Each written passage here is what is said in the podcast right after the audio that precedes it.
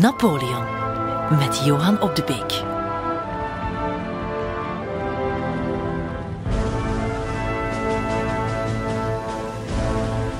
Ik ben uh, in de zoektocht naar wie Napoleon was en wat hem gedreven heeft, natuurlijk naar Elba geweest. Daar kun je niet aan voorbij. En wat doe je? Je neemt de overzetboot van Toscane naar, eh, naar Elba. Dat is een, eh, een paar uurtjes met, met het vaartuig. En daar zie je dan plotseling dat, dat legendarische eiland opdoemen. En op de top zie je de villa liggen waar hij, uh, waar hij bijna een jaar gewoond heeft, de Villa Mulini. Um, en het was een fantastisch moment, want het was midden in de zomer en als toerist verwacht je dan dat natuurlijk het daar bloedheet is en de zon schijnt. Wel nee, het regende. Je zag zo de, de golven uh, mistroostig tegen die, ja, die, die, die duizendjarige steenmassa aan de kusten aanrollen. En, en het was mistig. En het, het was dus een uitstekend moment om je in te beelden hoe Napoleon zich daar moet gevoeld hebben na, uh, na, dat, na zijn troonsafstand in 1814. Druilerig, mistig, uh, nat, uh, niet prettig.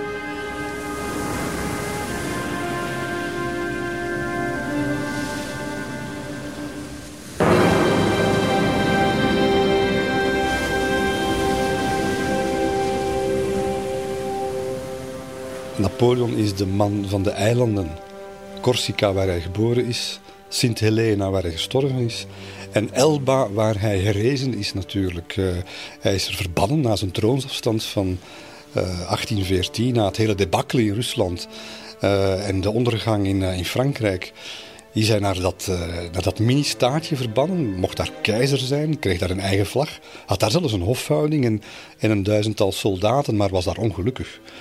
Ehm, als je op dat terras, dat, uh, dat tuinterras, uh, dat dan uh, helemaal de klif overstijgt bijna. En je ziet dan, je kan dan heel ver de oceaan, de oceaan, de Middellandse Zee inkijken.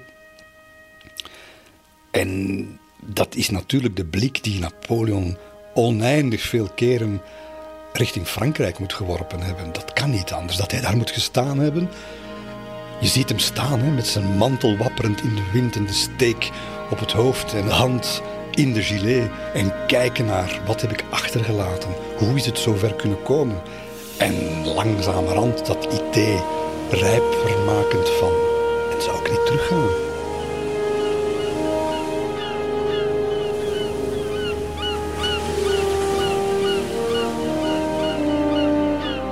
Ik had de gelegenheid om uh, in zijn bureau uh, te gaan kijken naar het boek dat op dat bureau opengeslagen ligt en dat volgens de overlevering nog altijd ligt, of ze hebben dat misschien zo opnieuw gelegd, uh, op de pagina die hij het laatst gelezen heeft. En wat is die pagina? Dat is een beschrijving van, uh, van de, het leven van de oude Karel V.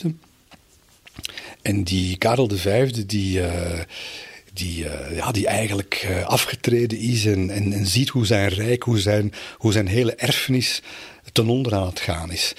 En je kunt natuurlijk niet anders dan, dan zo'n Napoleon je voor de geest halen op dat moment die, die ongeveer net hetzelfde voelt. En ik zal nooit vergeten het moment waarop je op de, bovenverdieping uh, de, de, de, slaapkamer binnen, binnen, binnentreedt van Marie-Louise. Hij komt daar binnen, je, je, komt daar binnen en alles ademt uh, nestwarmte uit, zal ik maar zeggen. Hij heeft dat helemaal ingericht om zoon en echtgenoten te kunnen ontvangen, die nooit zijn gekomen, ze mochten niet, van de geallieerden. En je, je, kunt niet anders dan, dan een Napoleon daar voelen, die, die, die ja, heeft niks meer te verliezen, absoluut niks meer. Men drijft hem naar een uiterste beslissing. Ja, en uit alles wat je leest, uit, zijn geschriften, uit uh, ooggetuigen, voel je dat de man was toe aan rust. De man was toe aan uh, een beetje settelen. De man was toe aan familiaal geluk, om het, om het heel banaal te zeggen. En het werd hem niet gegund en dat heeft hem pist off gemaakt. Ik ben ervan overtuigd dat als je op dat moment Napoleon goed behandelt hem dat eilandje laat, hem een beetje geld om eh, een hofhouding te hebben en vooral zijn vrouw en zijn kind daar zet, dan is het afgelopen. Dan hebben we geen honderd dagen, dan is er ook geen Waterloo en is het verhaal ten einde. Maar nee, men moest hem straffen, men moest hem kwellen.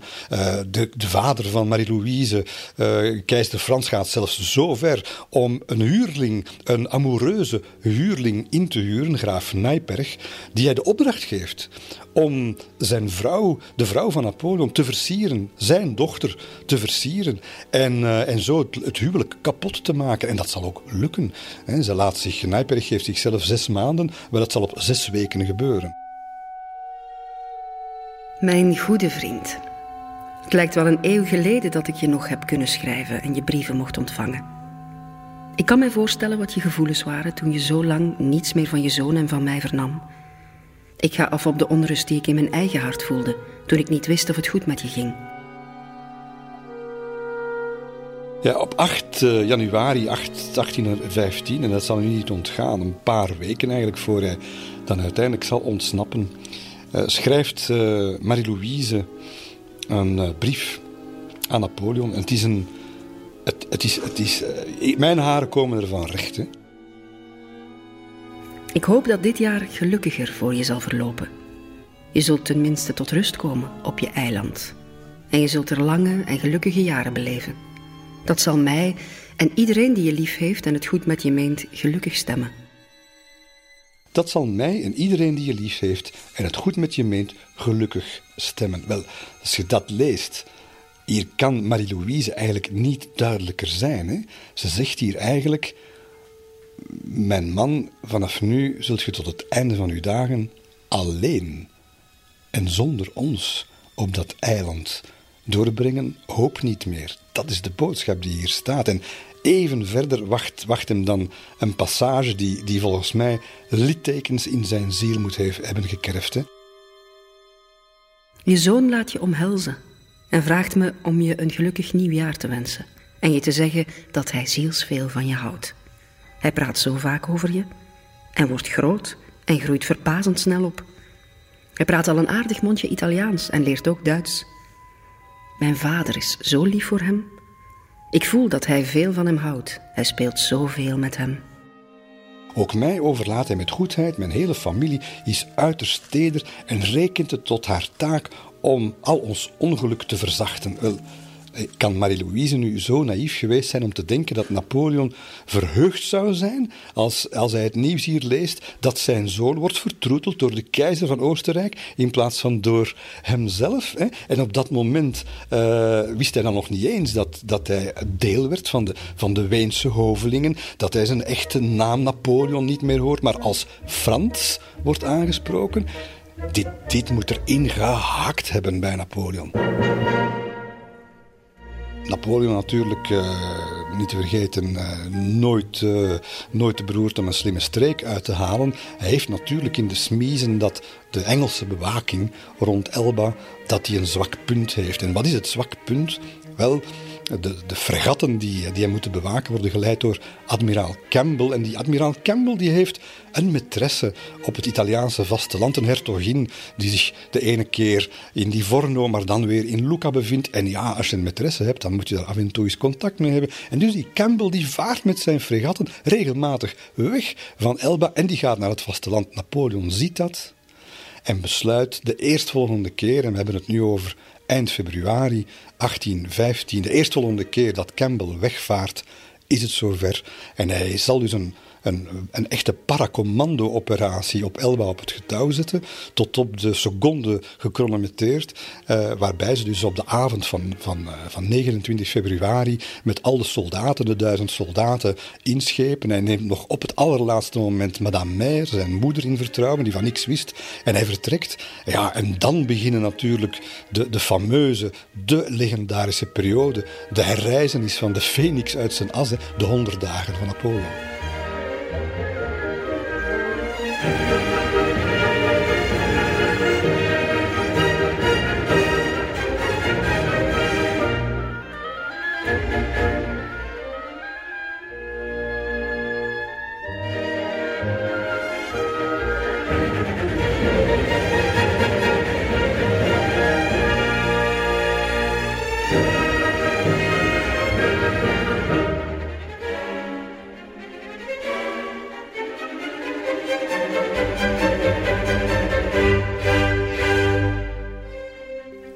Er zijn op uh, Elba twee mensen die weten wat er zal gebeuren. Dat is generaal Bertrand en Napoleon zelf natuurlijk. Niemand anders, zelfs uh, de moeder weet het niet, de zus Pauline weet het niet. En uh, plotseling gebeurt het. Uh, Bertrand heeft alles laten klaarmaken. Op de haven zijn al wapens verborgen. De soldaten, ja, die weten wat ze moeten doen. Die, die staan klaar. En plotseling gebeurt het. Hè. Plotseling gaat Napoleon naar de haven, gevolgd door de soldaten. En dan zal je zien dat de hele haven vol plotseling... al de, al de, de, de visvrouwen, de mark, de, de, de, de, handelaars, de mensen uit, uit de haven. Het is een vorst die daar staat en die gaat vertrekken. En de burgemeester komt afscheid nemen. En de mensen beginnen de Marseillaise te zingen. Iedereen staat te wenen op die kade. En ook Napoleon. En hij belooft daar, en dat zal het nooit meer kunnen waarmaken natuurlijk. Hij belooft, mes amis, je retourne. Ik ga, ik ga terugkomen. Maar het is, uh, het is een heel uh, emotioneel moment. Uh, ook de moeder van Napoleon zal het heel laat pas vernemen. ze nemen daar afscheid. Zijn zus stopt hem nog gauw een diamanten halssnoer toe. Want dat is natuurlijk geld dat hij zal nodig hebben. En ze schepen in op het schip waarmee hij gekomen is vanuit Frankrijk, de Inconstant. En dan het kan natuurlijk weer niet Napoleontischer dan hoe het dan zal gebeuren. Ze varen de haven uit en ze zijn nog niet goed onderweg in die ontsnapping. Of wat gebeurt er? De wind valt. Er is geen wind, klein probleem in die tijd als je met zeilschepen naar Frankrijk moet varen. En daar liggen ze met twee schepen, Napoleon en zijn hele uh, gevolg.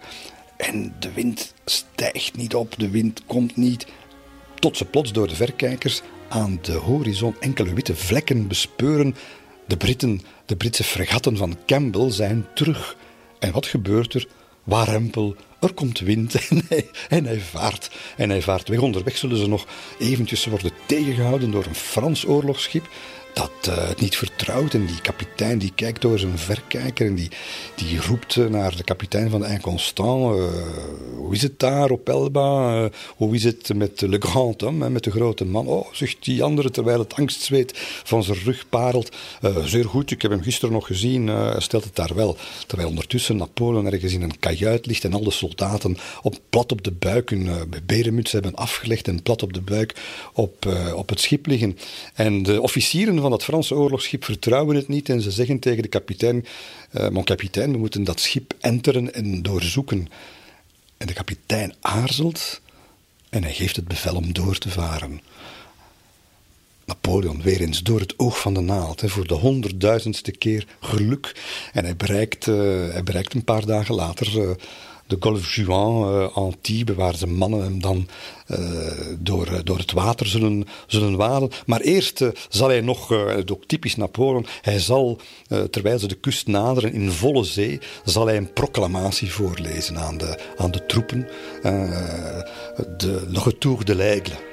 De arend is terug en hij zal nu van klok tot klok, van stadsklok tot stadsklok door het land vliegen en het land terug gaan leiden. En terwijl daar niemand in de buurt is, weer klinkt een schallend gejuich van die, van die paar honderd soldaten over de verlaten Middellandse Zee. Zo begint het verhaal van de honderd dagen.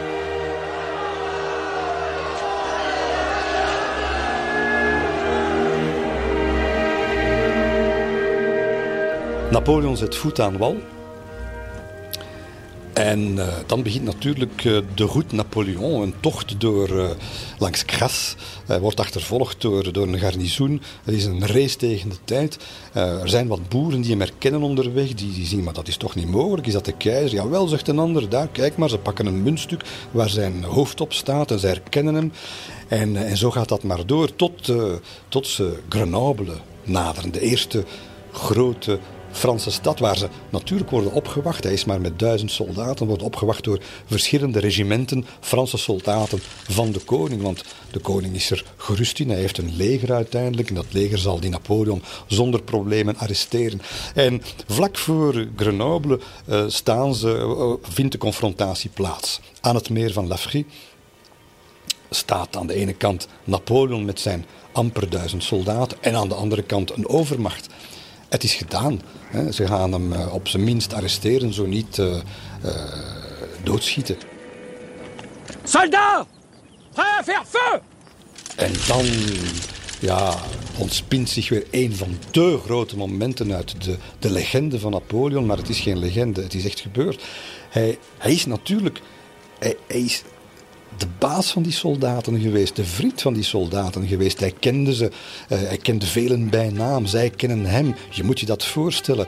Zij hebben vele van die mannen die daar staan en die hij moeten komen arresteren, die hebben jarenlang de meest ongelooflijke dingen meegemaakt met hem, hebben voor hem gevochten. En daar staat hij, dat silhouet, die lange grijze mantel, die zwarte steek. Plotseling staat die man weer opnieuw voor hen. De man die ze voorafgoed hebben. Die man die, die, die voor hen alle mogelijkheden van de nieuwe maatschappij, van de nieuwe samenleving geopend heeft. En hij weet dat. En hij gebruikt dat. En hij stapt op hen toe. Hij zegt tegen zijn mannen: wacht. Hij stapt op hen toe tot hij binnen het schootsveld komt van die troepen. En hij gooit zijn mantel open en hij roept naar die soldaten: Soldat! Soldat! Me voilà. Voilà. En het, je, hoort, je hoort een speld vallen, als het ware, op dat, uh, op dat terrein. En er is een officier aan de andere kant die roept: Feu, schieten. Mon commandant! Feu! Niemand schiet. Er is een moment van, van, van vertwijfeling, van spanningen. En plotseling gooien die soldaten hun wapens op de grond. En ze lopen naar Napoleon, ze tillen hem op de schouders en en het is het grote triomf. En eensklaps, de mannen die hem moesten komen pakken, ja, worden, worden terug zijn trouwe soldaten. En hij heeft plotseling een legertje. En dat is, ja, dat is natuurlijk het begin van, van, van, de over, van de overweldigende retour van Napoleon naar Parijs.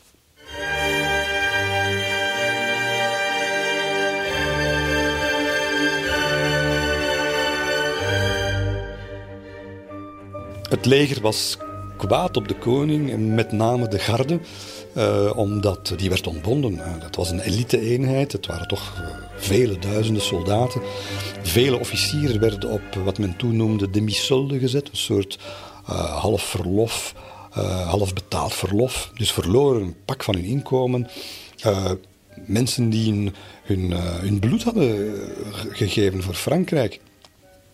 Die werden plotseling geleid door operette-officiertjes die alleen maar een, eh, een hadden gekregen van de koning, omdat ze van adel waren, maar verder niks hadden betekend. Dus je ziet daar die hele omslag in, dat, uh, in, dat, in, dat, in de behandeling van het leger. Een leger dat onder de revolutie onder Napoleon gedemocratiseerd is, waarin je op basis van talenten en verdiensten omhoog kan klimmen, dat wordt plotseling weggevaagd en dat wordt weer vervangen door als je niet van adel bent, dan kun je niet meer worden dan sergeant. En al de rest, dat, moet, dat moeten vrienden van de koning zijn. Dat zet bijzonder kwaad bloed bij, eh, bij de soldaten en zeker bij de officieren. En dat verklaart ook waarom de terugkeer van Napoleon uiteindelijk zal gesteund worden door het leger.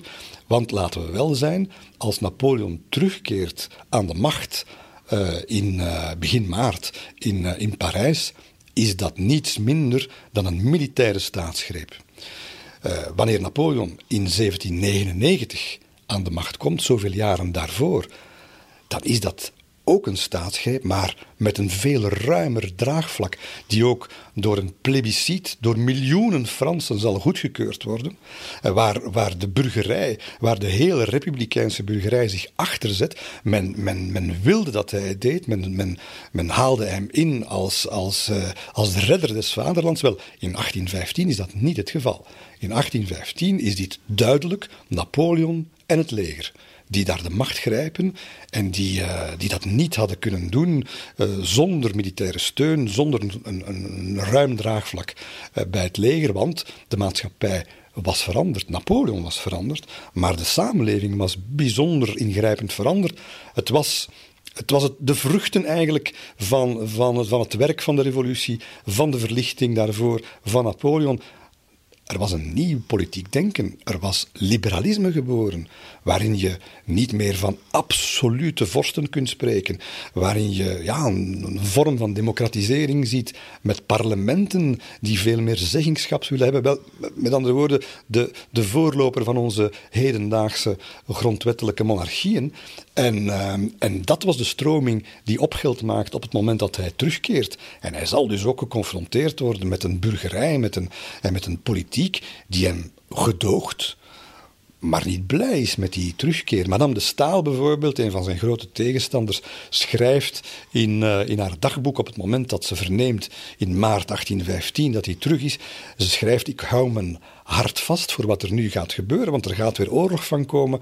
En ik hou mijn hart vast, want als Napoleon wint, dan krijgen we terug een, uh, dan krijgen we terug een alleenheerschappij. En als hij verliest, oh wee dan voor Frankrijk.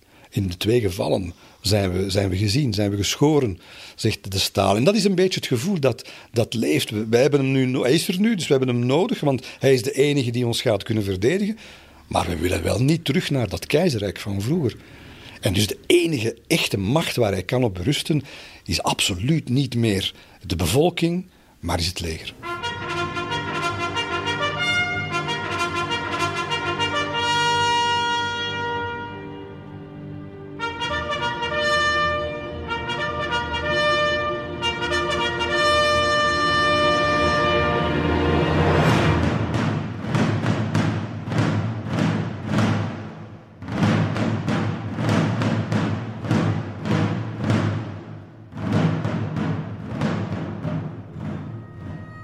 Op 13 maart uh, is er een humorist die erin slaagt om, ondanks de politiecontrole, op de Place Vendôme een bord op te hangen met een tekst die, die veel mensen doet lachen en anderen doet vloeken. En wat zegt die tekst?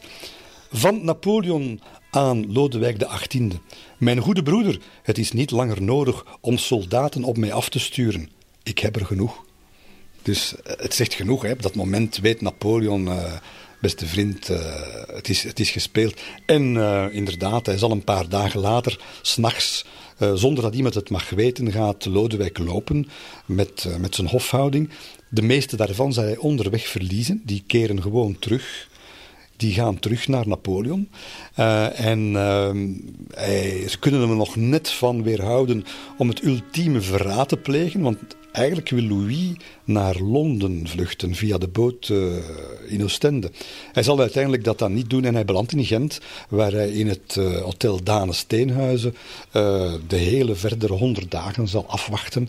En er zijn soldaten verslagen van de bewakers van de, van, de, van de koning, die zeggen, ja, het enige wat we hem zagen doen was eten. Van ochtends tot s avonds. De mensen kwamen er zelfs naar kijken, daar in de straat, vlakbij het Gravensteen. Gingen dat, je, kon hem, je kon hem zien, want op straat dan zat hij in zijn, in zijn salon en ofwel uh, zat hij te slapen ofwel zat hij te eten, vertellen ze. Dat was de tegenhanger van Napoleon. Dat kon niet goed aflopen, nietwaar?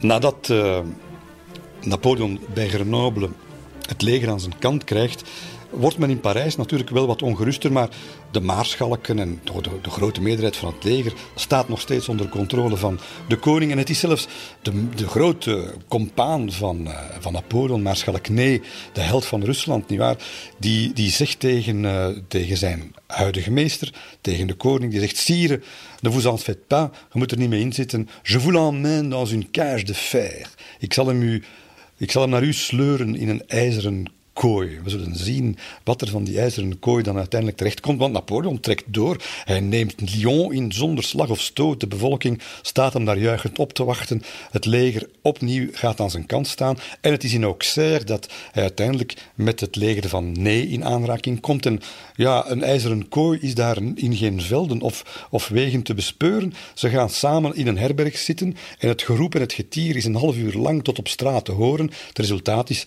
Nee en Napoleon Komen schouder aan schouder uit die herberg buiten en nee zegt zoiets van ik weet nu terug waar mijn plaats is. Het is aan de zijde van de keizer. Hij kon ze inpalmen. Hè. Het charisma van Napoleon was nog altijd intact. Zijn, zijn fysieke paraatheid zeker niet meer. Zijn, uh, zijn tactisch inzicht ook niet meer, want hij, hij, was, uh, hij was toch wel geestelijk ook wel getekend door de voorbije jaren. Maar dat charisma was blijkbaar nog steeds aanwezig. En het gaat dan in een snel tempo. Hè. Dat politieke draagvlak heeft hij niet meer. Uh, hij moet verkiezingen uitschrijven, Warempel, uh, die hij grandioos zal verliezen. Er komt een plebiscit, een, volksraadpleging, die, uh, die zich moet uitspreken over het keizerschap. Die wint hij, maar 6 miljoen Fransen, kiesgerechtigden, komen niet eens opdagen op die verkiezingen. Dus Politiek staat hij zeer zwak. Bovendien, de vredesvoorstellen die gedaan worden naar het buitenland, die worden afgewimpeld. Met andere woorden, er is maar één uitweg meer, een, finale afrekening. Oorlog, één grote veldslag. En dat wordt de ultieme slag waar hij nu alles uh, zal opzetten.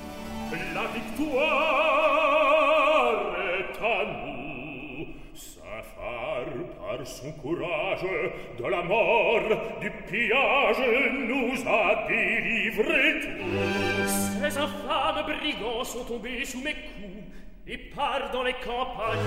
On les voit en fuyant regagner leur montagne. La victoire de nous, la victoire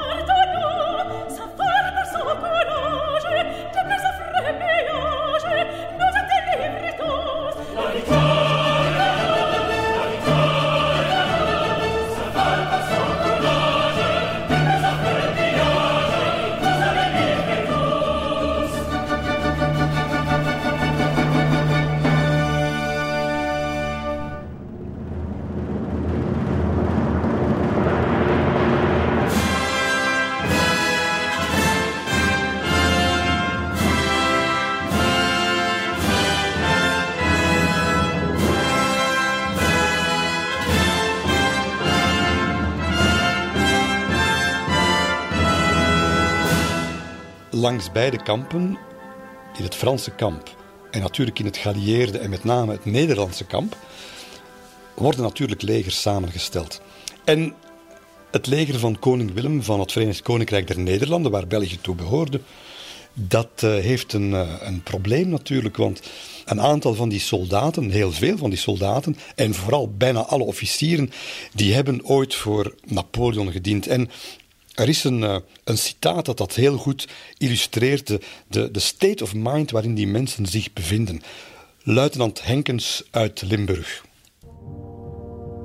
Er zijn momenten in het leven waarop men zich op een gevaarlijke en steile helling bevindt tussen plicht en geluk.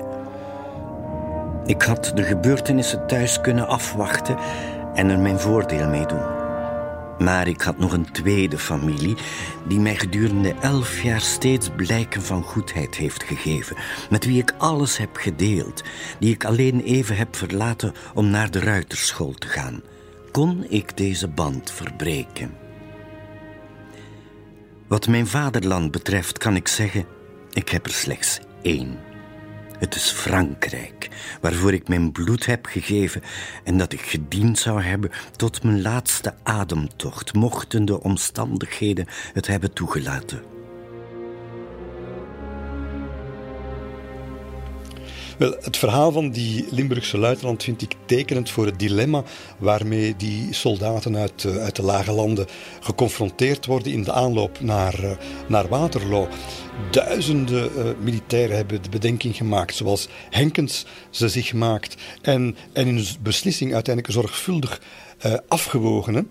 Napoleon heeft hen ontslagen van, van hun trouw. Na de troonsafstand mochten ze kiezen en ze konden dus in het Franse leger blijven, maar dan moesten ze voor een koning beginnen, beginnen strijden. Dat was voor velen tegenstrijdig met hun politieke overtuiging, dus keerden ze maar liever naar huis en komen ze daar terecht in het, in het leger van de Nederlanden. Een aantal anderen blijft om een aantal redenen, professionele redenen, financiële redenen, blijft in het Franse leger. En zo krijg je dus officieren en soldaten die zich gaan verspreiden over twee legers, waarvan we nu weten, enkele dagen, enkele weken voor Waterloo, dat ze heel binnenkort tegen elkaar in het strijdperk zullen verschijnen. En dat gaat in die Belgische veldtocht, in die twee, drie dagen die, die we naar Waterloo zullen zien opklimmen, gaat dat tot dramatische gevolgen leiden.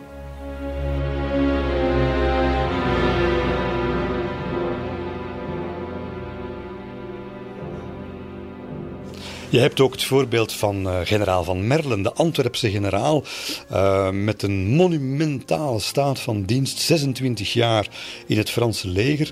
Uh, drie zware oorlogswonden. Uh, drie keer door een lans doorboord, een schot in de hartstreek. Kortom, een, een, echte, een, echte held heeft in Spanje gevochten en zo meer.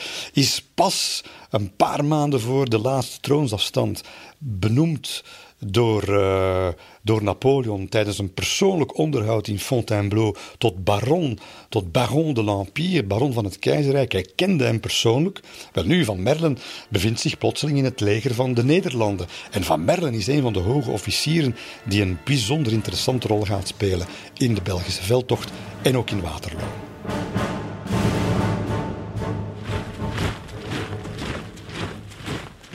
De veldtocht begint op 15 juni. 15 juni is uh, het leger van Napoleon steekt de grens over. En diezelfde avond is er eigenlijk in Brussel iets bijzonders aan de hand. Nu in Brussel wordt er feest gevierd. Er is een groot bal bij de hertogin van Richmond, waar de hele top, de, de Nederlandse top, uh, maar vooral de Engelsen en Wellington op kop, die dansen daar, die feesten daar, die zitten aan de dis. En uh, net voor die, uh, die feestelijkheden beginnen, krijgt Wellington trouwens nog een bericht, onder meer van generaal Van Merlen. En dat bericht is alarmerend. Men, uh, Van Merlen kende natuurlijk als geen ander de tactieken van het Franse leger. En zijn huzaren aan de, aan de grens, aan de Belgische-Franse grens, hadden gezien wat er gebeurde, hadden hem dat gemeld. En hij stuurt een koerier naar Wellington op 15 juni s'avonds om te zeggen: ze zijn er, het is begonnen. Wellington geloofde hem niet. Wellington geloofde geen enkele Belg, wantrouwde hen, uh, uh, vond hen lafaards en deserteurs die bij de eerste de beste gelegenheid zouden teruggaan naar het leger dat hen groot had gemaakt. Nu, het feest gaat, uh, gaat beginnen en uh, het gaat door en men staat daar quadrilles te dansen tot plotseling middernacht de klok slaat en daar staat een Nederlandse luitenant onder het zwetende modder met een brief in de hand. En die brief komt van de Nederlandse stafchef die in het diepe Wallonië uh, een beslissing heeft genomen, want die geloofde wel dat er wat aan de hand was. En die koerier komt dat zeggen en die, uh, die, die melding schokt iedereen. Alle monden vallen stil. Wellington zegt: Verdorie, hij is mij te snel afgeweest. En, uh, en ze kruipen snel in een kamertje, de hertog, Wellington en een ordonnans. Ze kijken naar een stafkaart en zegt: Het is te laat uh, om, hem, om hem te stoppen. Hij is in België. Maar ik ga hem partij geven en hij wijst met de vinger een plek aan op de kaart. En wat is die plek? Het is het plateau van Mont-Saint-Jean, uh, vlakbij Waterloo, dat hij al een jaar eerder had verkend. Nu, in het holst van de nacht stormen al die officieren in gala-uniform naar hun paarden die beneden in de straat, in de Blekerijstraat in Brussel staan te wachten en stormen naar hun, naar hun eenheden. Dat is niet zoals vandaag, je bent er op een half uur. Nee, dat is de hele nacht doorrijden. En wie is ondertussen al onderweg? Het zijn de enige troepen die die Nederlandse stafchef had. Dat zijn Nassauers en Belgen. Hij stuurt uh, de, de, divisie van Van Bijland uh, naar Catgebras.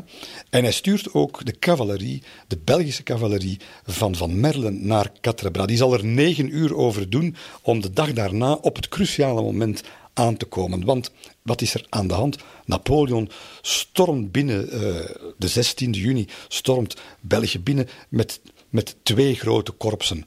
Nee, die gaat de westelijke kant op, die gaat naar Catgebras. Napoleon die zoekt de Pruisen op, meer naar de oostelijke kant in Ligny. Als je dat vandaag met de auto doet, dat is 12 kilometer, je doet dat op 10 minuten. Toen was dat iets anders, toen was dat een halve dag marcheren door de velden. Nu, wat gebeurt daar? Nee, die stoot daar op 2000 Belgische soldaten, met een paar kanonnen. Het stelt totaal niks voor, maar wel net genoeg om die nee aan het aarzelen te brengen. Als op dat moment nee gewoon doorstoot, dan is Wellington in grote problemen. Nee, het zijn op dat moment de Belgen die het En die worden versterkt langzamerhand. Maar de Belgen die redden daar de dag. Sterker nog, op het moment dat s'namiddags nee dan toch uiteindelijk gaat doorbreken, komt als een soort ja, ridder op het witte paard, hè, komt daar plotseling Van Merlen met zijn cavalerie. En het is Van Merlen die de beslissende charge van Nee zal stoppen.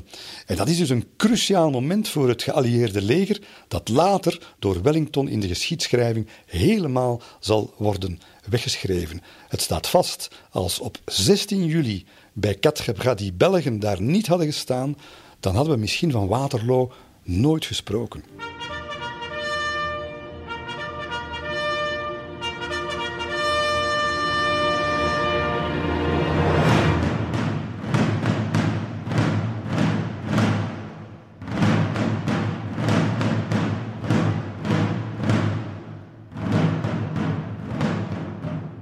Wat ook bijzonder is, wat er gebeurt in Catrebra, is daar gebeurt nu, daar vindt nu het moment plaats waarop die Belgische en Nederlandse soldaten die vroeger in het Franse leger waren, die gaan daar op die plek de mannen treffen die ze ja, nog tot een anderhalf jaar geleden hun wapenbroeders mochten noemen. En ze herkennen elkaar op het veld.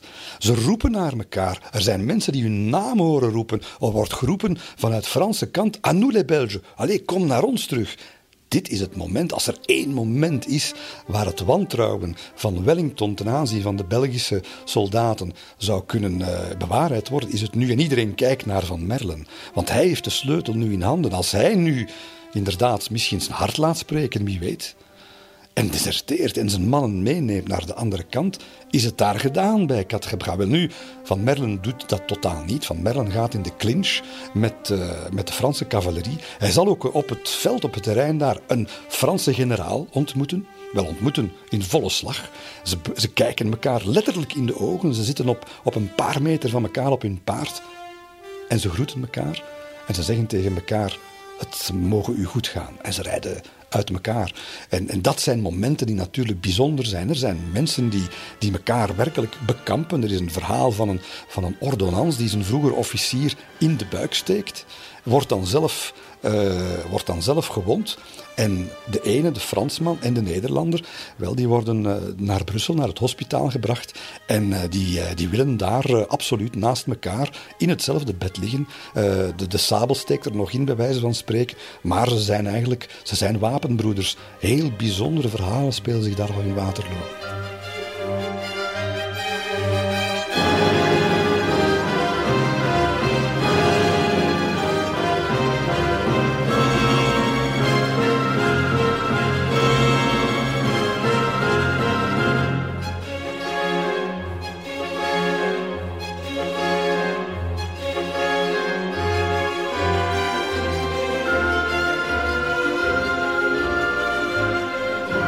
Twee dagen later vindt dan uiteindelijk de grote slag, het grote treffen plaats. Uh, tussen een flink uitgedund Frans leger en uh, een, een geallieerd leger dat voor het grootste gedeelte bestaat uit uh, niet-Britse soldaten trouwens. Het zijn Belgen, Nederlanders, een paar Duitsers. En, uh, en natuurlijk loopt generaal Vrijt, generaal van Merlen, uh, onze Antwerpse generaal, daar ook tussen. En het is aan het begin van de slag. Hij ziet daar al in, het, in de loop van de ochtend zeer hardnekkige gevechten bij de hoeve van Hougoumont, waar werkelijk de ene golf Franse soldaten na de andere zich te pletter loopt, lijf aan lijfgevechten. Er wordt zeer hardnekkig en verwoed gestreden. En Van Merlen ziet dat en Van, van Merlen kent iets van oorlog na 26 jaar. En hij zegt daar tegen zijn ordonnans, hij zegt, ik denk dat het vandaag de laatste keer wordt. Hij heeft dat voorgevoelen. En wat zal er gebeuren? Wel, in de loop van de namiddag, rond half vijf, vindt een geweldige charge, een cavalerie-charge plaats onder leiding van Maarschalk Nee, die uh, eh, 9000 ruiters zal storm laten lopen op, uh, op de Britse carrés. Dat wordt een, een, een, vernietiging van de Franse cavalerie. maar mede dankzij de hulp van de Belgische cavalerie slagen de, de Engelsen erin om stand te houden. En Van Merlen is betrokken bij een van die charges. Uh, en het is rond vijf uur ongeveer, we weten het niet precies, maar rond vijf uur stijgt hij van zijn paard, doodmoe, na, na zo'n charge. En hij drinkt een, een, glas wijn om een beetje bij te komen. Uh, en het is op dat moment dat een laagvliegende Franse kanonskogel, die van heel dichtbij eigenlijk, want ze, ze vochten soms op een paar honderd meter van elkaar, een laagvliegende kogel komt langs gevlogen en, en, en, en treft van Merlen in, in volle buik. En hij, hij zal daar natuurlijk half in twee, moeten we zeggen, uh, liggen en, uh, en hij wordt weggedragen. En zijn laatste woorden zijn van, maak u uit de voeten, maak u elders nuttig, want ik heb nog een half uur te leven. En uh, ze brengen hem dan naar de hoeve van Mont Saint-Jean, waar hij, waar hij een half uur later inderdaad zal, zal overlijden. Um, het is een held geweest van Merlen, ook, ook in Waterloo. Um, het is het, bewijs ook, het, het, symbool van, de, van het Nederlands-Belgische verzet tegen Napoleon. En het is tragisch dat dat allemaal is weggeschreven door, uh, door, uh, door Wellington. Uh, we zijn dat vergeten. net zoals het even tragisch is dat we nooit het lichaam van, van die grote van Merlen hebben teruggevonden. Net als zoveel andere jongens is hij in een massagraf beland.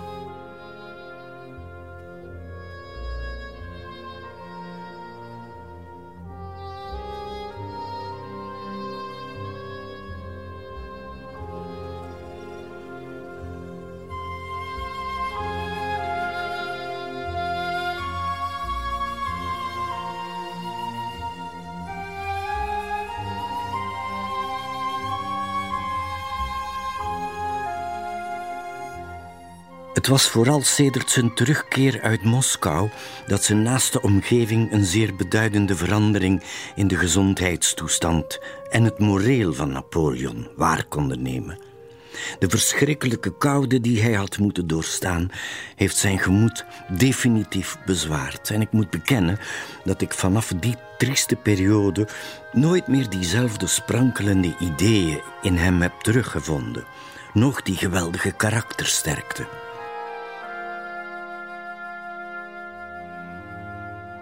Hoe was het met Napoleon gesteld uh, op de ochtend van 18 eh, juni 1815? Was hij nog wel Napoleon? Er zijn veel redenen om aan te nemen dat hij, dat hij nog Napoleon heette, maar het niet meer was. Uh, de psyche was toch wel wat gekraakt. Uh, we weten ook dat hij leed aan verschillende ziektes, om maar aanbijen te noemen. Een beetje banaal misschien, maar het heeft hem belet om, om in die slag op zijn paard te gaan zitten. Vandaag besturen generaals een oorlog vanuit een, uh, een beeld van een satelliet op 5000 kilometer afstand. Toen moest je in de slag zitten, toen moest je rondrijden in de slag. Net zoals Wellington gedaan heeft. Wellington heeft de hele dag van links naar rechts gereden, zat, in de, zat, zat tussen de kogels. Dat deed Napoleon vroeger altijd en deze keer veel minder. Hij was er niet. We konden slechts flarden waarnemen van incoherente fantasieën. We zagen dat hij nog de lust, nog de kracht had om nog hard te werken. Vanaf dat moment verdroeg hij ook niet meer de vermoeidheid die met langdurig paardrijden gepaard gaat. Vroeger had hij altijd de slaap kunnen bedwingen. Nu was het omgekeerde het geval. En hij zag er ook niet uit. Uh, hij had niet meer de uitstraling. Er zijn citaten van, uh, van uh, nogal wat soldaten die hem lang niet meer gezien hadden. Hè. Elba en zo verder, ze hadden hem lang niet meer gezien. En die zeggen van, ik herkende hem niet meer. Hij was dik geworden, hij was bleek geworden. Hij zat soms te slapen op een stoeltje.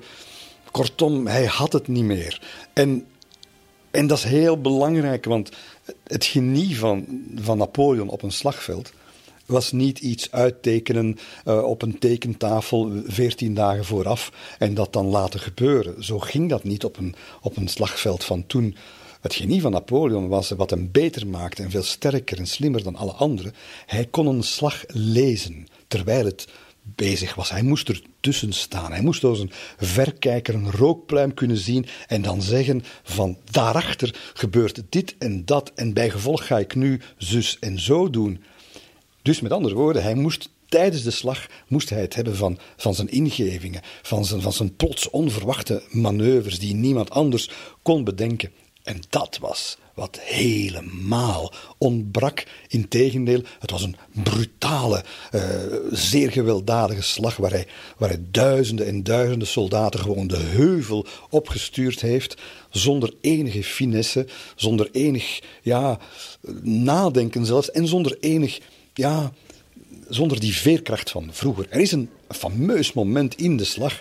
We zijn al laat in de namiddag en Nee begaat de blunder van, van zijn leven. Nee gaat zonder infanteriesteun, gaat zijn grote cavalerie-charge, alle ruiters eigenlijk van het leger, gaat hij in de, in de Engelse mand gooien en ze worden daar afgeslacht. En Napoleon ziet het gebeuren van op, van op een kilometer afstand ongeveer en hij zegt tegen zijn broer, de onnozelaar, zegt hij over nee, het is al de tweede keer op een paar dagen tijd, want nee had het ook verplutst in Quatre-Bras. Het is al de tweede keer op, op een paar dagen tijd dat hij het weer verknoeit.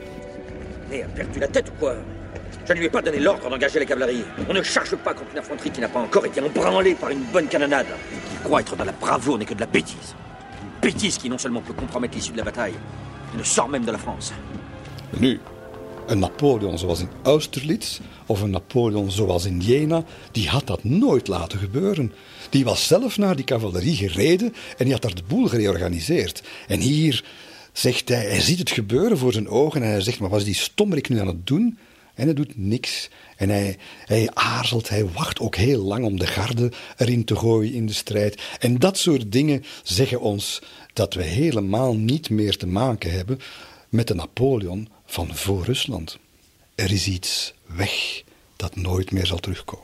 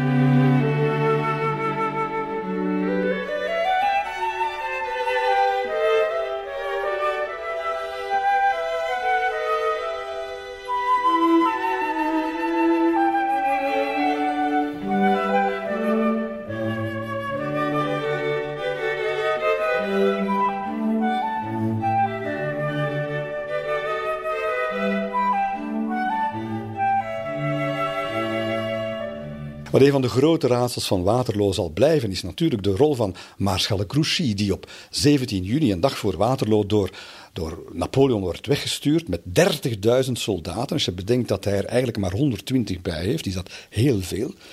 Uh, 120.000. 30.000 man wegsturen om de Pruisen te gaan zoeken. En Grouchy die, die verknoeit dat helemaal. Die gaat dus uh, eerst de richting namen, dan gaat hij naar Jean Blou, terwijl ondertussen de Pruisen uh, het, het, lumineuze idee hebben gehad, en Wellington zal later zeggen, de beslissing van de eeuw hebben genomen om naar het noorden te trekken, naar Waver te trekken, in het idee om naar Mont-Saint-Jean de dag daarna op te rukken, waar ze weten dat Wellington gaat stoppen om Napoleon partij te geven. En die Grouchy, die, die, ja, die verdwijnt eigenlijk een beetje in de natuur met zijn 30.000 manschappen. En het is een ongelooflijk verhaal. Maar we weten dat het waar is, want de nazaten bestaan er nog van. De notarissen in de buurt van Wallin uh, hebben daar een fantastische vierkantshoeve. En Grouchy, Maarschalk Grouchy, belandt daar met zijn staf. heeft daar eigenlijk niks te zoeken op dat moment, behalve de aardbeien die hij daar voorgeschoteld krijgt door de, de, de trotse eigenaar van die hoeve, die blij is dat hij een Franse maarschalk mag uitnodigen. En die Grouchy, die heeft niks anders te doen natuurlijk, en die loopt daar maar wat rond. Die gaat aardbeien eten op het moment dat de kanonnen in Waterloo aan het bulderen zijn. En het is een ordonnance, een vleugeladjudant, die in die tuin van die, van die hoeve staat en die zegt: Maar ik hoor hier toch iets. En die gaat met zijn oor op de grond liggen. En hij loopt onmiddellijk naar zijn maarschalk. Hij zegt: Maar Maréchal, je moet komen, want, want er wordt gevochten.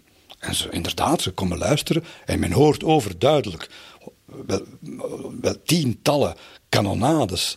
Dit is een veldslag, dit is niet een schermutseling. De slag is begonnen. En ze, ze zeggen aan Grouchy, wij moeten oprukken naar het noordwesten, richting Mont-Saint-Jean. En Grouchy heeft een gezagsprobleem, heeft, uh, heeft geen zelfvertrouwen, is niet bekwaam. En hij doet het omgekeerde. Hij rukt op naar Waver, de richting waar hij de dag voordien had moeten naartoe gaan, in plaats van naar, uh, naar Waterloo. En het is dus Grouchy met zijn 30.000 manschappen die dramatisch zullen ontbreken op het moment dat in Waterloo de geschiedenis een andere wending zal aannemen. Maréchal Grouchy, est-ce que vous entendez les canons Oui, je ne suis pas sourd. C'est l'empereur, il est aux prises avec les Anglais. Nous devons lui apporter de l'aide. On m'a donné l'ordre de poursuivre les Prussiens. Je poursuis les Prussiens. Qui vous dit qu'ils sont devant nous Ils nous ont peut-être contournés. de vous, général. Je n'obéis qu'à l'empereur. Les Prussiens se trouvent derrière cette colline. Et je leur ai préparé une bonne petite surprise. Allons-y, tout de suite.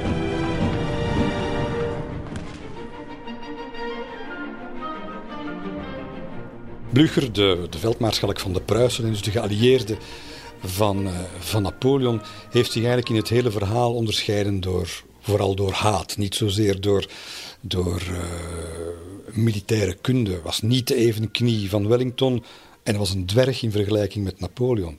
Hij had al verschillende keren, ja, minstens twaalf keer verloren van Napoleon in rechtstreekse duels. Dus zat met een, met een verschrikkelijke frustratie en haatte Napoleon persoonlijk. Napoleon, uh, toen hij terugkeerde naar Parijs en uiteindelijk moest, uh, moest aftreden, Napoleon was eigenlijk, stond op de radar van Blücher. Blücher heeft er alles aan gedaan om Napoleon te pakken te krijgen. En ik bedoel dan niet gevangen te nemen en te berechten of zoiets. Blücher heeft letterlijk aan Wellington het vel gevraagd van Napoleon achteraf. Uh, er is uh, een brief, een correspondentie die Wellington in ontvangst neemt uh, na de slag, waarin Blücher zegt: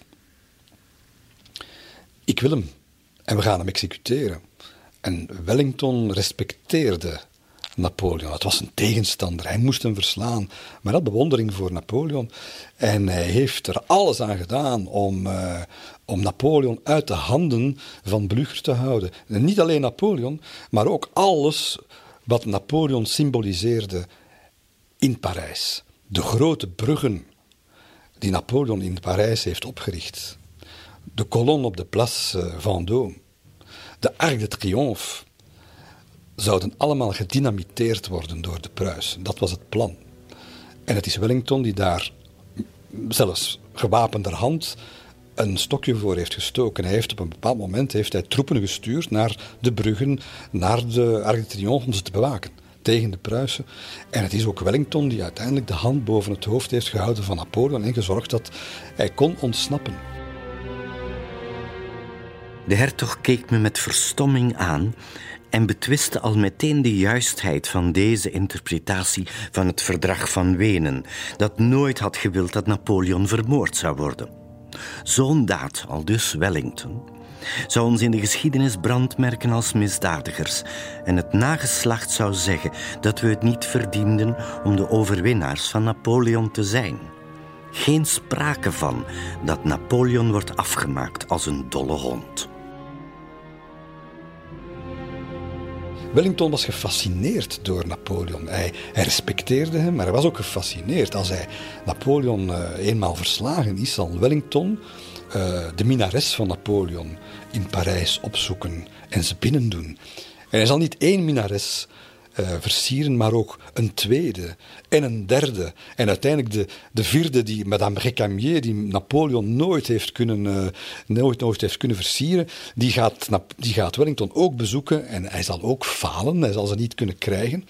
Nu goed, dat kan allemaal toeval zijn, maar is het toeval dat hij vier minaressen probeert te versieren, uh, als hij dan ook nog eens de kok van Napoleon in dienst neemt? Als hij bovendien het huis van de zus van Napoleon uh, koopt om daar te gaan wonen, het is vandaag nog altijd de Britse ambassade in, uh, in Parijs, en dat hij tenslotte een portret van Napoleon in zijn living hangt en een portret van de zus van Napoleon boven zijn bed hangt. Ik noem dat geen toeval meer. Ik noem dat een obsessie.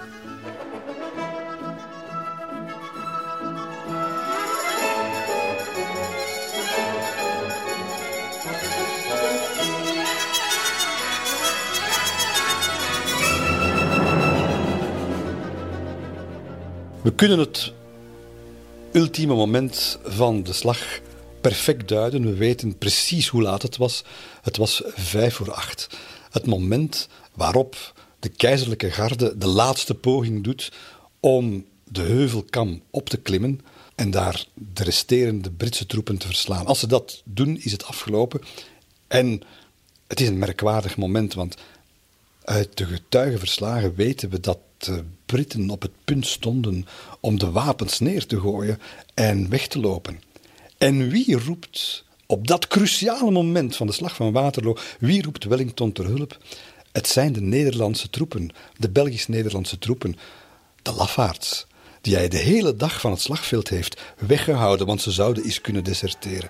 En het is de divisie van generaal Chassé uit Utrecht, die uh, op dat moment ten tonele zal verschijnen. En de soldaten beschrijven dat zeer goed. Wij zagen de berenmutsen op, uh, opklimmen. Ze werden altijd maar groter en groter. Ze kwamen op ons af. Je voelt in die memoires de angst van die soldaten. En plotseling verschijnen daar enkele duizenden vreemde soldaten die iets roepen, leven oranje en vive le roi. En, in, in, in, in allerlei, en ze waren dronken in allerlei uniformen die wij niet kenden. Het waren de Nederlandse soldaten. En het zijn de Belgisch-Nederlandse troepen die om tien voor acht in Waterloo het verschil maken. Zij zijn degene die de fatale slag zullen toedienen aan het legeronderdeel dat in heel de wereld omschreven stond als onklopbaar, als het te vrezen leger, de Garde Impériale. Zij verslaan om tien voor acht in Waterloo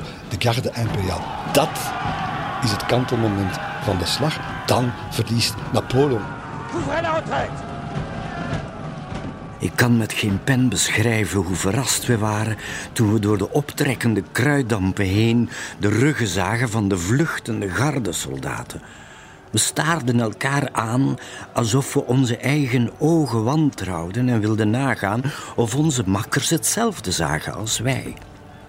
Sommige van onze kanonnen, die hogerop stonden, schoten nog wat schroothagel in de vluchtende massa en richtten daar een echte ravage aan. Nooit heb ik zoveel opeengestapelde lijken bij elkaar gezien. Ik heb nooit goed begrepen waarom ze op de vlucht zijn geslagen. Soldaat McCready.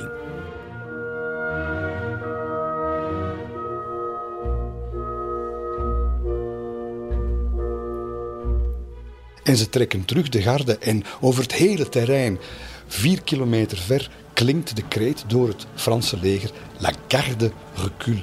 De garde trekt terug en dat is het einde, dat is de alarmkreet. En, in, in wanorde trekt men zich nu terug. En het zijn nog twee bataljons, de twee, uh, het eerste en het tweede bataljon van La Vieille Garde, van de grenadiers, die, die nog in gesloten orde, in carré, zich langzaam van het terrein terugtrekken. En het is in dat bataljon dat uiteindelijk Napoleon zelf zal plaatsnemen. En hij, hij zoekt daar de dood op. Hij, hij weet dat uh, uh, het is afgelopen en hij, hij gaat in het midden van dat bataljon staan, uh, tien rijen dik. en hij neemt het bevel. Hij gaat daar dat laatste, de dernier carré, gaat hij, gaat hij aanvoeren. En de soldaten, die, die je voelt dat dat is een kippenvelmoment werkelijk, de soldaten, hun chef is er. En ze zijn boos, woest, en je leest dat ook in het citaat van, uh, van soldaat Coignet, die daar staat. Ze zijn woest omdat de staf tussen beiden komt. En de staf, de generaals die voor het eigen hachje en het eigen fortuin uiteindelijk vrezen, die sleuren hem daar letterlijk mani militari vandaan en zeggen: moet hier niet zijn, we zijn weg, we gaan lopen. En, en hij, uh, hij, ja, hij laat zich meetronen. En het is, het is Coignet die dat heel goed beschrijft. Hij was van plan zich al strijdend te laten doden, dat zag je. Maar die lotsbestemming werd hem niet gegund. Het zou hem nadien veel hartzeer hebben bespaard. En we zouden tenminste allemaal samen de dood zijn ingegaan aan zijn zijde. Maar de grote meneren die hem omringden, hadden het niet in zich om zo'n offer te brengen. Terwijl ik toch kon vaststellen dat wij allemaal als één man achter hem stonden.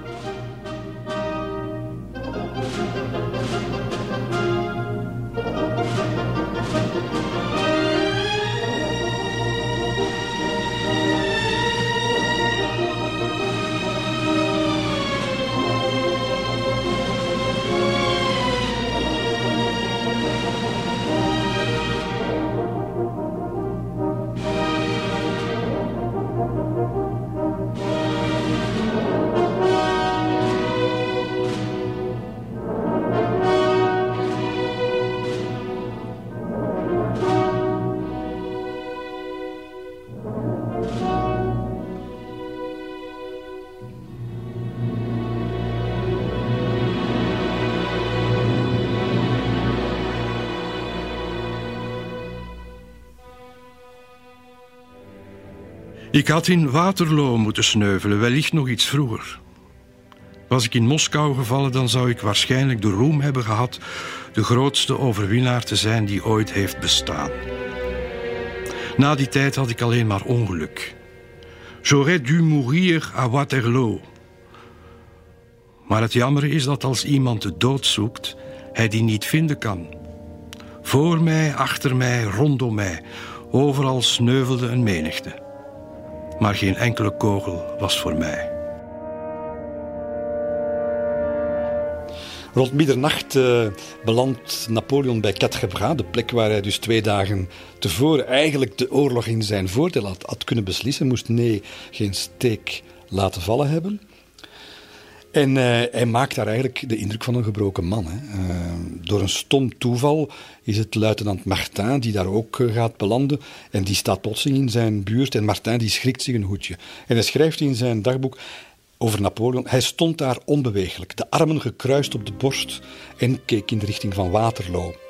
Ik hield halt en ik voelde alleen maar respect en verdriet.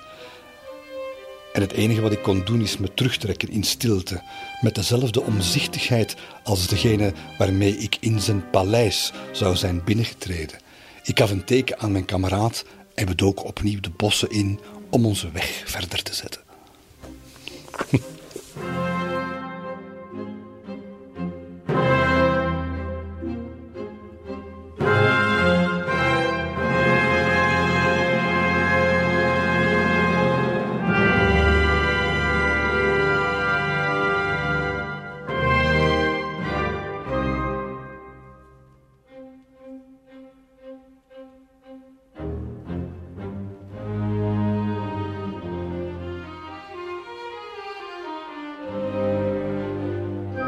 Midden van de nacht is één chaos natuurlijk over die ene weg richting Charleroi, waar, ze, waar langs ze gekomen zijn. Moeten ze nu allemaal weer terug in, in, in, in één anarchie, in één chaos in het midden van de nacht. Napoleon ook. En hij, hij wordt achtervolgd door de Pruisen, want ze moeten hem hebben.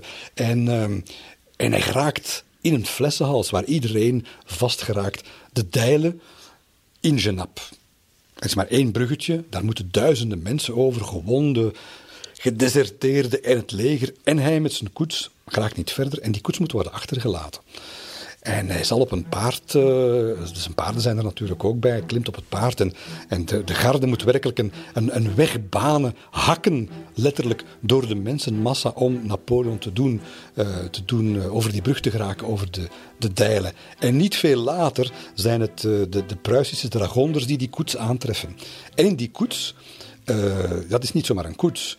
Napoleon, Napoleons oorlogskoets, daar zitten schatten in. En je zal dan zien dat ze dan uh, die, die koets bestormen. En, en, en, en uren later nog vindt men nog diamanten en, en, en boeken en pistolen met, met zilver en goud beslagen. Die, dat wordt allemaal geplunderd en dat ligt daar in het ronde. En ze staken eigenlijk, en dat is het geluk een beetje van Napoleon geweest op dat moment, ze staken de achtervolging omdat er een fortuin te rapen valt in en rond die koets.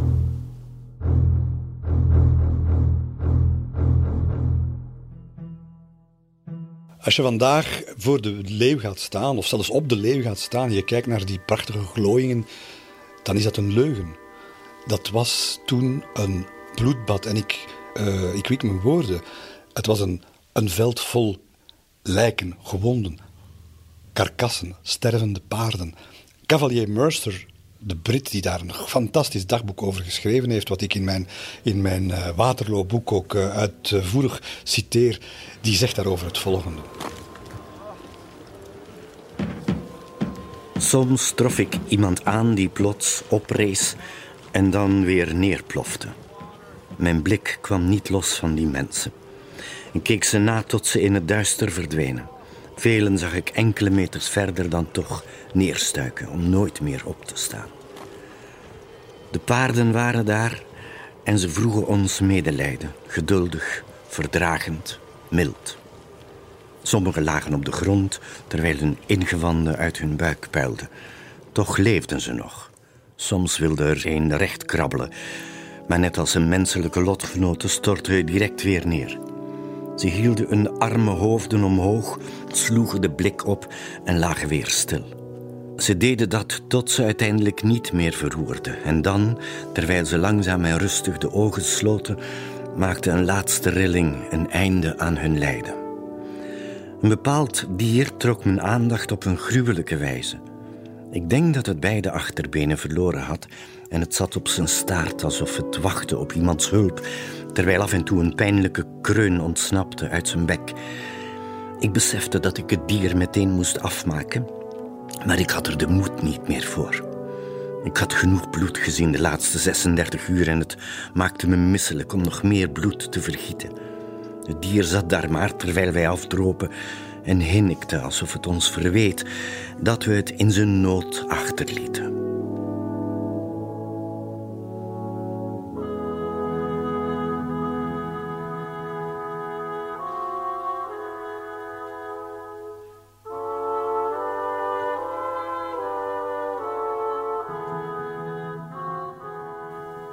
Napoleon maakt geen kans, de politiek laat hem vallen. Hij moet dus troonsafstand uh, voor de tweede maal doen. En hij vertrekt diezelfde dag naar Malmaison, het oord waar hij zijn beste jaren heeft beleefd met Josephine. En het is werkelijk een, een, een moment van afscheid. Hè. Hortense is daar, Colincourt is daar, zijn moeder is daar.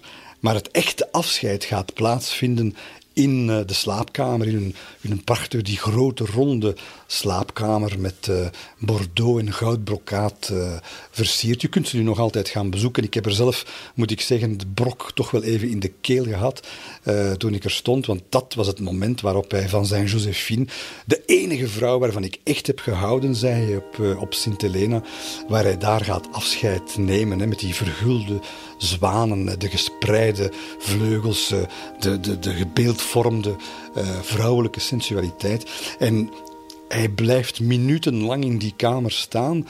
En wanneer hij naar beneden komt, uh, beschrijft Hortense, uh, de dochter van Josephine, uh, waarvan hij ook heel veel hield, beschrijft Hortense zijn, zijn gemoedstoestand. Hij zal met haar nog door de tuin wandelen. Maar wanneer hij door die, door die, die afscheidsceremonie werkelijk in die slaapkamer is gegaan, zegt Hortense, hij komt naar beneden en je kon aan zijn ogen zien hoe het er geweest was.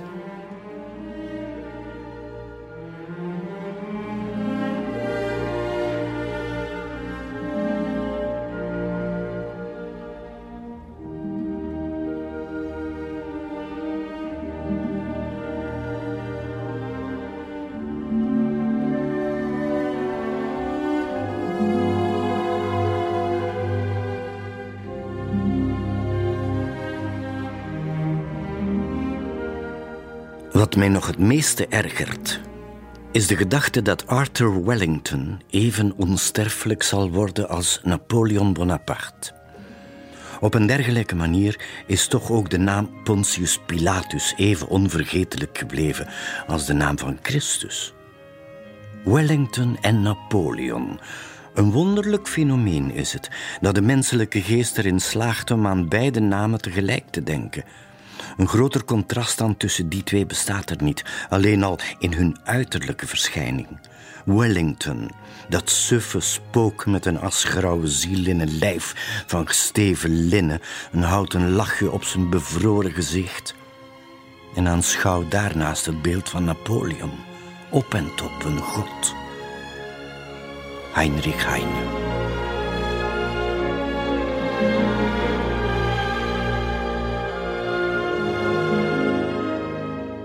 Wellington was de bedenker van de moderne uh, militaire tactiek, namelijk de defensieve tactiek. Hij had de Franse legers al een paar keer verslagen, maar nog nooit, nog nooit uh, Napoleon. Op staatkundig vlak kun je de twee helemaal niet vergelijken. Dat is werkelijk een reuze en dwerg vergelijken. Maar hij heeft het wel, die ene kans waarvan je zegt 99 keer op 100 wint Napoleon, wel die ene kans die hij had, Wellington, heeft hij gegrepen. Het, is, het is in zekere zin ook wel spijtig omdat het dramatisch is. Omdat een slag die al op 16 juni overbodig had kunnen zijn. Het is een Griekse tragedie. Het, het, het zijn dingen, het zijn. Als je, als je de militaire historici er ook op naslaat, iedereen zit eigenlijk met de handen in het haar over de vraag van hoe is dat nu in godsnaam kunnen misgaan? 99 keer op 100 laat je die slag verlopen. En 99 keer op 100 gaat Napoleon die winnen. En toch verliest hij dat. Dat is zo. Het moest zo zijn. En ik denk niet dat het een kwestie is van dat spijtig vinden. Het is een kwestie van een, een, zekere appreciatie voor de romantiek van het moment op te brengen.